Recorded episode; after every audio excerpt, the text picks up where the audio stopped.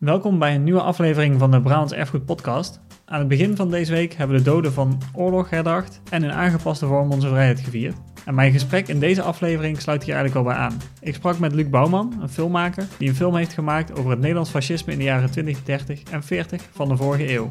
Zelf noemt hij zijn film een archeologie van het Nederlands fascisme en ik ben eigenlijk wel benieuwd wat hij daar precies mee bedoelt. Luc, normaal zou ik zeggen welkom, maar je zit gewoon thuis, denk ik. Ja, nou, ik zit in mijn werkkamer, dus uh, kunnen zeggen welkom op internet. Fijn dat je even de tijd wilde maken om uh, zo over je film te praten, alle tegen alle. Kun je om te beginnen even kort vertellen waar je film over gaat? De film gaat over de opkomst van fascisme in Nederland. Dus over de vele tientallen kleine partijtjes en clubjes die uh, een fascistische ideologie aanhingen mm -hmm. in de jaren 20 en 30. Waarom wilde je een documentaire maken over dat Nederlands fascisme, over die periode? Hoe kom je daarbij? Nieuwsgierigheid. Die term fascisme die kwam uh, steeds vaker weer langs. En ik dacht, is dat fascisme eigenlijk ook... Mm -hmm. Het is best een vaag begrip hè, als je erover nadenkt wat, wat er precies mee bedoeld wordt. Ik kwam er vrij snel achter dat er dus in plaats van alleen die NSB, die de meeste mensen wel kennen, dat er toch een heleboel mm -hmm. verschillende partijen in Nederland zijn geweest die fascistisch waren. En ook dat het al heel vroeg begonnen is. Dus al in 1921, 22 waren de eerste fascistische geluiden te horen in Nederland. Mm -hmm. Dat begon trouwens bij een man die uh, heette Verviers, een man uit Oosterwijk. Professor in Leiden gaf die les. En die heeft naderhand nog wel eens geclaimd dat hij het fascisme had uitgevonden in plaats van Mussolini. Dus een typisch uh, fascistische hoogmoed, zou ik zeggen. Uh, ik, ik, las ergens volgens mij dat je je film een archeologie van het fascisme in Nederland hebt genoemd. Wat bedoel je daar precies mee? Nou, een archeologie op twee manieren. Dus ik was geïnteresseerd mm -hmm. in de fysieke sporen. Dus niet alleen maar de geschiedenis die je terug kan vinden in de boeken. Maar ik ben op pad gegaan in Nederland om te zoeken waar kan ik in het landschap nog dingen vinden. En mm -hmm. daarnaast bij mensen die uh, verzamelingen hadden op dit terrein. Dus er bleken mensen te zijn die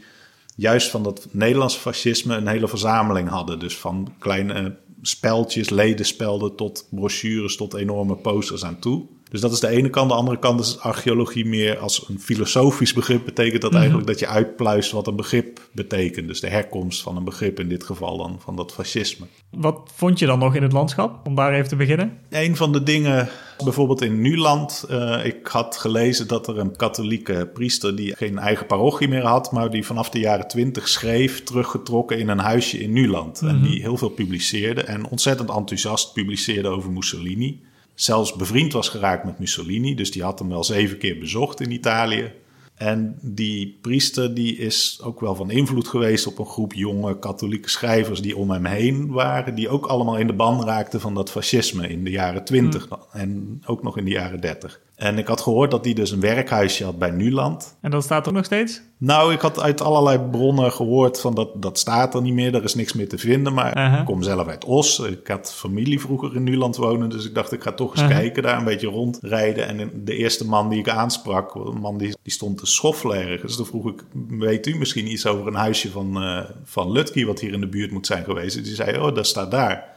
En dat was echt zo'n soort ingezakt Anton Pieck-achtig uh, huisje, een ruïne. En dat stond er dus ja. gewoon nog. En, en, een heel, ja, ook een vreemde plek, want dat huisje is nooit afgebroken. Het staat in een klein stuk bos naast een klooster waar Lutke blijkbaar tot uh -huh. op zijn oude dag heeft gewoond. Ook een beetje vergeten en uh, niet opgeruimd, maar gewoon laten vervallen, zeg maar. Ja, ja, dus ook niet helemaal duidelijk wat nou de bedoeling daarvan is. Dus het is altijd blijven bestaan. En natuurlijk door de mensen die eromheen woonden, die wisten wel dat dat het ja. huisje van Lutke was. Dus het was ook niet dat wij in, in iets ontdekten. Mm -hmm. En tegelijkertijd was het bij een heleboel mensen niet bekend dat daar nog sporen van te vinden waren. Dus. Echt bijzonder. Uh, je noemde net al de NSB, maar over hoeveel fascistische bewegingen hebben we het dan in Nederland in die periode? Ik kwam in aanraking met een verzamelaar die liet mij een kaart zien die gemaakt is net na de oorlog door mm -hmm. een fascist, Labouchere, die was opgepakt en eigenlijk in ruil voor strafvermindering had hij een, een deal gemaakt. Zei hij nou, kijk, ik kan een hele stamboom tekenen van al die fascistische bewegingen voor de oorlog. Mm -hmm. Dus die man die had een heel helder geheugen en die heeft toen die enorme stamboom getekend. Mm -hmm. En daarop staan tientallen, en een historicus die schat het wel op honderd verschillende clubs en partijen. Een, een heleboel daarvan waren van die splintergroepjes. Dus dat waren dan een leider met drie volgelingen en die kregen dan ruzie en dan had je weer drie partijen. Ja, beweging is af en toe misschien ook een groot woord uh, dan. Ja, in sommige gevallen is beweging een groot woord, maar sommige van die clubs die hadden wel behoorlijke aanhang. Dus die lui die werden ook in de gaten gehouden, wel al door de inlichtingendienst. Dus dat hmm. al vanaf de vroege jaren dertig is de inlichtingendienst houdt die verschillende clubjes goed in de gaten. Wat ik interessant vond is dat de NSB ook voortkomt uit die stamboom. Dus uh, Van Geelkerken, dat was de tweede man van de NSB. Mhm. Die had al bij verschillende van die kleine clubs gezeten. Dus die begon zijn fascistische carrière bij de Verbond van mhm. Actualisten. Had daarna bij de Bezem gezeten. En Bezem was zo rond 29, 30 de belangrijkste fascistische beweging, die is ook weer door ruzie uit elkaar gespat. En daar zijn een heleboel andere partijen uit voortgekomen. Waaronder uiteindelijk Zwart Front van Arnold Meijer in Brabant, maar mhm. ook de NSB van Mussert. Kan je zeggen, dus die Geelkerken die zocht gewoon naar een goede leider. Die heeft Mussert gevraagd: mhm. wil jij niet een nieuwe beweging beginnen? Want verschilden die bewegingen dan zeg maar, heel erg ideologisch van elkaar? Of waren het gewoon mensen die niet met elkaar door een deur konden en dan maar hun eigen beweging starten? Ja, daar is volop discussie over, ook tussen historici. Ik denk allebei. Hè. Kijk, in die fascistische ideologie komt de leider vanzelf naar boven drijven. Dus dat is al een mhm. beetje een magisch beeld. Maar hoe dat dan precies werkt, staat ook niet beschreven. Dus mhm. je kan denken dat juist ook die kleine extreme clubjes mensen aantrekken die graag ook een punt maken door met de vuist op tafel te slaan. Mhm. En dat zie je dus veel gebeuren. Dat zodra er een beweging is, zitten er alweer vier, vijf andere mannen aan de stoelpoten van de leider te zagen. Met het idee, ik ben, ik ben eigenlijk de leider. Je noemde het Nieuwland al. En in Brabant is ook al wat breder bekend dat zeg maar, de omgeving van Os überhaupt een beetje een centraal punt was voor fascisme. Ja, want is dat zo? Van Nieuwland misschien. Maar want in Os zelf mhm. kregen ze volgens mij moeilijk voet aan de grond. Omdat net in de, eigenlijk in die, ook in de jaren dertig speelde de, de zaak Os. Mm en de NSB en Zwart Front hebben heel erg een propagandazaak gemaakt van wat er in Os allemaal was gebeurd. En zoals ik het heb begrepen, was er dus juist in Os en vanuit de katholieken ook best wel wat weerzin op een gegeven moment tegen die NSB en tegen die Zwart Front die toch een beetje de vuile was hadden buiten gehangen en, mm en zo negatief over Os hadden geschreven. Dus dat nou probeerden ze ook niet per se in Os volgens mij die aanhang allemaal. Mhm. Dat was niet hun uh, belangrijkste stad, vermoed ik hoor, om aanhang te krijgen. Alleen wat ik begreep is dat ook Zwart Fronters en ook NSB'ers die met de krant naar Os toe kwamen, dat die toch ook vaak wel weer de stad zijn uitgezet. Ah, oké. Dat wist ik dan niet. Waren er überhaupt dan zwaartepunten van fascisme in Brabant die te herkennen zijn? Of? Ja, de stad Oosterwijk, dat is door Lou de Jong ook wel eens beschreven als de klaverweide van het Nederlandse fascisme. En dat kwam al in de vroege jaren twintig, is daar een uitgeverij gekomen, die uitgeverij Oosterwijk, die fascistische boeken uitgaf. Dus onder andere van mhm. Wouter Lutke, maar ook van die Verviers. Dus Oosterwijk had een aantrekkingskracht op fascisten. En dat is ook de reden waarom Arnold Meijer, die oorspronkelijk helemaal niet uit Brabant kwam, maar die is naar Oostenrijk mm. toegereisd. En daar, die heeft zich daar gevestigd met zijn beweging Zwart Front. En die gaf ook zijn publicaties uit in Oostenrijk. Dat kwam dan meer door, misschien in eerste instantie door één of twee enkele lokale personages en dan die uitgeverij die. Uh een podiumboot als het ware. Ja, ja, ik denk dat zowel die Verviers als Lutke, die waren toch in, dat, uh, in het katholieke milieu, dat waren ook best notabelen, zeg maar. Dat waren, mhm. geen, uh, ja, dat waren toch mensen met best wel wat gewicht ook. En die trokken ook mensen uit de omgeving aan. Dus dat Zwart Front, landelijk gezien is dat nooit een hele grote partij geweest. Maar wel in die, zeker in Oosterwijk, uh, daar wordt geschat dat het toch wel 20, 30 procent achter Arnold Meijer aanliep op een gegeven moment. Hm. Dus opnieuw, dat, dan landelijk gezien is het niet een enorme beweging geworden. Maar ze hadden wel degelijk ook landdagen. En als je ziet, ja, daar lopen ook duizenden man rond. Ja. En zeker bij, bij zo'n radicaal fascistische beweging, die eigenlijk zeiden wij daar met geweld de macht grijpen is dat een bedreiging. Dat zou hetzelfde als je het naar nu vertaalt. Ja, als er ergens ja. 5000 eh, man staan te roepen dat ze de macht gaan grijpen, dan denk je ook wat, wat is daar aan het borrelen? Of, uh... Ja, je noemde al Wouter Lutke, dat was een katholiek priester. Ja. En ook Arnold Meijer, die had volgens mij gestudeerd om priester te worden. Ja. Hoe stond dat katholicisme tegenover het fascisme?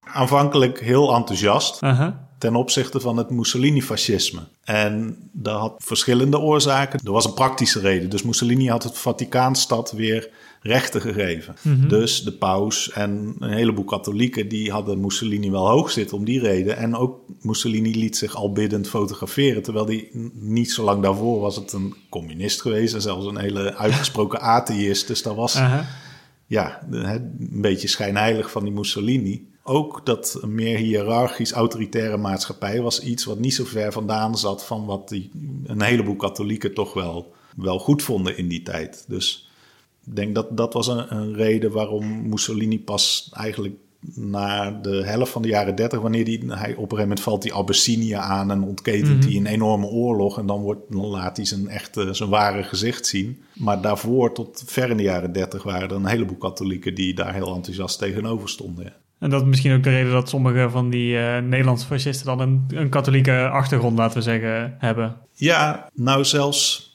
dat voert misschien te ver, maar na de bezetting is er een partij opgericht die heette de Nederlandse Unie. En dat is de grootste of snelst eh, gegroeide politieke beweging ooit geweest. En die zeiden, we realiseren ons, hè, de Duitsers zijn hier binnengevallen, maar goed, dit, nu is dit de nieuwe situatie. En eigenlijk die democratie kan je je ook afvragen of dat nou allemaal zo goed functioneerde. En op dat moment is de volledige Rooms-Katholieke Staatspartij toegetreden. Zoals ik het begreep is die beweging binnen no time zijn daar ongeveer een miljoen leden geweest. Dus dat is een enorme beweging geweest. Hè? Dus die gevoelens leefden bij een groot deel van Nederland. En kwam ook films tegen in het archief van de katholieke jeugdbeweging in de jaren 30. Die waren ook behoorlijk militant. Ook een beetje beïnvloed of geïnspireerd door dat fascisme gingen die eh, uniformen dragen. En de jongens die waren in één keer weer kruisvaarders. Dus dat hele gevoel van de strijd, ook ten opzichte van communisten. Dus ze waren bang dat die een religie in het gedrang kwam. Zaten die in een strijdhouding. En ja, en ik denk ook dat toch het idee van een autoritaire staat. En niet iedereen is helemaal gelijkwaardig. Maar er zijn nou eenmaal mensen die wat beter weten wat, eh, hoe de aarde werkt dan anderen. Dat, Dat dat er ook- toch ook een beetje overeenkwam tussen de twee groepen. ja, en natuurlijk dat fascisme kwam ook niet uit de lucht vallen. Dus dat plukte Mm. ook weer voor een deel eh, iets anders is. Hè. De- dat speelde in Italië misschien wat minder een rol. Maar het antisemitisme is ook iets wat geërfd werd uit de kerk. Mm. Dus eeuwenlang heeft de kerk natuurlijk geroepen dat de Joden niet deugden. En Ja. in ieder geval dat je moest uitkijken met die Joden. En dus daar had een voorgeschiedenis. Het was niet dat de fascisten dat voor het eerst allemaal gingen roepen. Dan moet ik zeggen dat uiteindelijk de kerken ook wel maatregelen hebben genomen. Dus die hebben ook afstand genomen van het fascisme. Dus al in de jaren dertig zegt op een gegeven moment de bisschop ook dat het verboden is voor katholieken om toe te treden tot fascistische organisaties of lid te zijn van fascistische organisaties. Dus daarmee wordt eigenlijk ook de positie van zo iemand als Arnold Meijer op een gegeven moment gemarginaliseerd. Mhm. Dus het is ook niet zo hè, dat dat katholicisme eenduidig achter die fascistische beweging. Ik Nee, denk dat het eerder ja. uiteindelijk een hoop katholieken ook weer heeft weten af te houden van, de, van het fascisme. Ja, interessant spanningsveld wel tussen de twee. Ja, Even een sprong naar het heden. Eh, nu ja, hoor je eigenlijk dat het woord fascisme of fascist of zo weer wat regelmatig gebruikt wordt voor niet alleen historische personages. ja. Ben je door het maken van de film heel anders naar dat heden gaan kijken en naar dat... Ja, nou, er zijn wel dingen die ik te weten ben gekomen over dat fascisme, waardoor ik zelf iets minder snel zou roepen die en die is een fascist. Dus één aspect is de geweldsverheerlijking bij veel van die partijen. Hè? Dus dat eigenlijk al die partijen hadden binnen no time ook een knokploeg en een eigen militie. En dat, ja, dat zie je gewoon wat minder in het heden, in ieder geval in Nederland niet. Hè? En iets anders is dat ze totaal antidemocratisch waren. Dus ze vonden echt de meerderheid van de mensen is gewoon gek en die moet je helemaal geen stem geven. En dat is toch ook een groot verschil met populisme nu is dat die nou, vaak het omgekeerde zeggen. Dus zeggen van juist, je moet de gewone man veel meer invloed geven. Aan de andere kant zijn er ook in de retoriek, hè, in de slogans en ook in de buitenkant van de dingen, in de, het theater en in de slimme, venijnige intelligentie die soms achter de slogans zit, voel je wel degelijk parallellen. Soms zodanig, dat blad De Bezem, dat had allerlei eh, uitspraken waarvan je denkt, ja, het is gewoon alsof je de krant van vandaag openslaat. Hè. Dus de, de slogan van De Bezem was de krant voor wakker Nederland. was er een grote krantenkop Holland voor de Hollanders. En dat je denkt, ja, dat zijn toch teksten die ja. nationalisten nu nog steeds ook heel erg aanspreken. Ja. Dus dat is altijd wel de discussie, dat zeggen historici wel, dat is een eigen ideologie en ze hadden ook een beeld van de toekomst waar ze naartoe mhm. wilden. Aan de andere kant hoor je ook een heleboel gewoon van die anti-stemmen, van die tegengeluiden. Hè? Dus Jan Baars die sprak over de mannen in Den Haag, eh, de, de, hoge heren die het allemaal zogenaamd wisten, maar die zaten alleen maar koffie te leuteren en die deden niks. En dat, dat zijn allemaal van die teksten die, ja, die hoor je vandaag de dag ook weer. Ja, ja, interessant. Als je er nu zelf naar kijkt, de jaren 20, 30 en 40, of de eerste helft van de jaren 40 in elk geval, uh, was dat dan een hele andere tijd die het mogelijk maakte ook dat de verschrikkingen van de vervolgingen en de bezetting konden gebeuren? En betekent dat dat dat nu niet meer kan gebeuren? Hoe kijk je daarnaar? Ja, dat, dat is super complex natuurlijk. Ik denk dat het wel degelijk hele andere tijden waren. Tegelijkertijd zie je dingen die wel degelijk lijken op wat er nu gebeurt. Dus ik, eh, ja, in exact dezelfde vorm zullen de dingen zich niet herhalen. Alleen mhm. ook in de jaren dertig merkten mensen dat wel op. Hè? Dus dan, zeker als de pogroms in Duitsland beginnen en dat is mhm. niet pas een 39, maar al vanaf 33 zijn er pogroms. En zelfs al daarvoor. Dan zijn er wel degelijk allerlei krantenberichten die zeggen in deze tijd dat dat nog mogelijk is, die barbarij. Dus ook in hun eigen tijd zagen ze dat niet als iets wat heel gewoon was. Hè? En toen heeft ehm, ook Walter Benjamin, een filosoof, die heeft toen ook opgemerkt van ja, we moeten ook weer niet te verrast zijn, want de hele geschiedenis is een geschiedenis van onderdrukking en mhm. Ook al is het nu niet in Nederland, maar er zijn allerlei plekken op de aarde waar het verschrikkelijk is en waar de machtsverhoudingen scheef zijn. En aan de andere kant is de Holocaust wel, ja, het is zo'n extreme eh, conclusie mhm. van iets. Dat staat in die zin ook wel weer een beetje op zichzelf. Hè? Dat, zo, uh, dat, dat maakt het ook dat fascisme natuurlijk troebel. Want als jij iemand een fascist noemt, en die denkt aan de holocaust, dan is het iets heel anders dan wanneer je iemand een fascist noemt en die denkt, oh ja, nee, in 1923 was er ook al een beweging en dit is, dat, dat is, uh, de context is zo afhankelijk van hoe je dat begrip ook inschat. Ja, precies. Ja, ja blijft natuurlijk ook gewoon een hele ingewikkelde vergelijking of parallel. Ja, en wat wel voor onze film wel een belangrijkste vondst, denk ik, is dat ik in archief in Den Bosch mm hebben we geluidsbanden teruggevonden. En dat zijn, ik denk wel 18 uur interview geweest die in de jaren 70 heeft de archivaris toen nog allerlei mensen bezocht. Ook allerlei mensen om Arnold Meijer heen.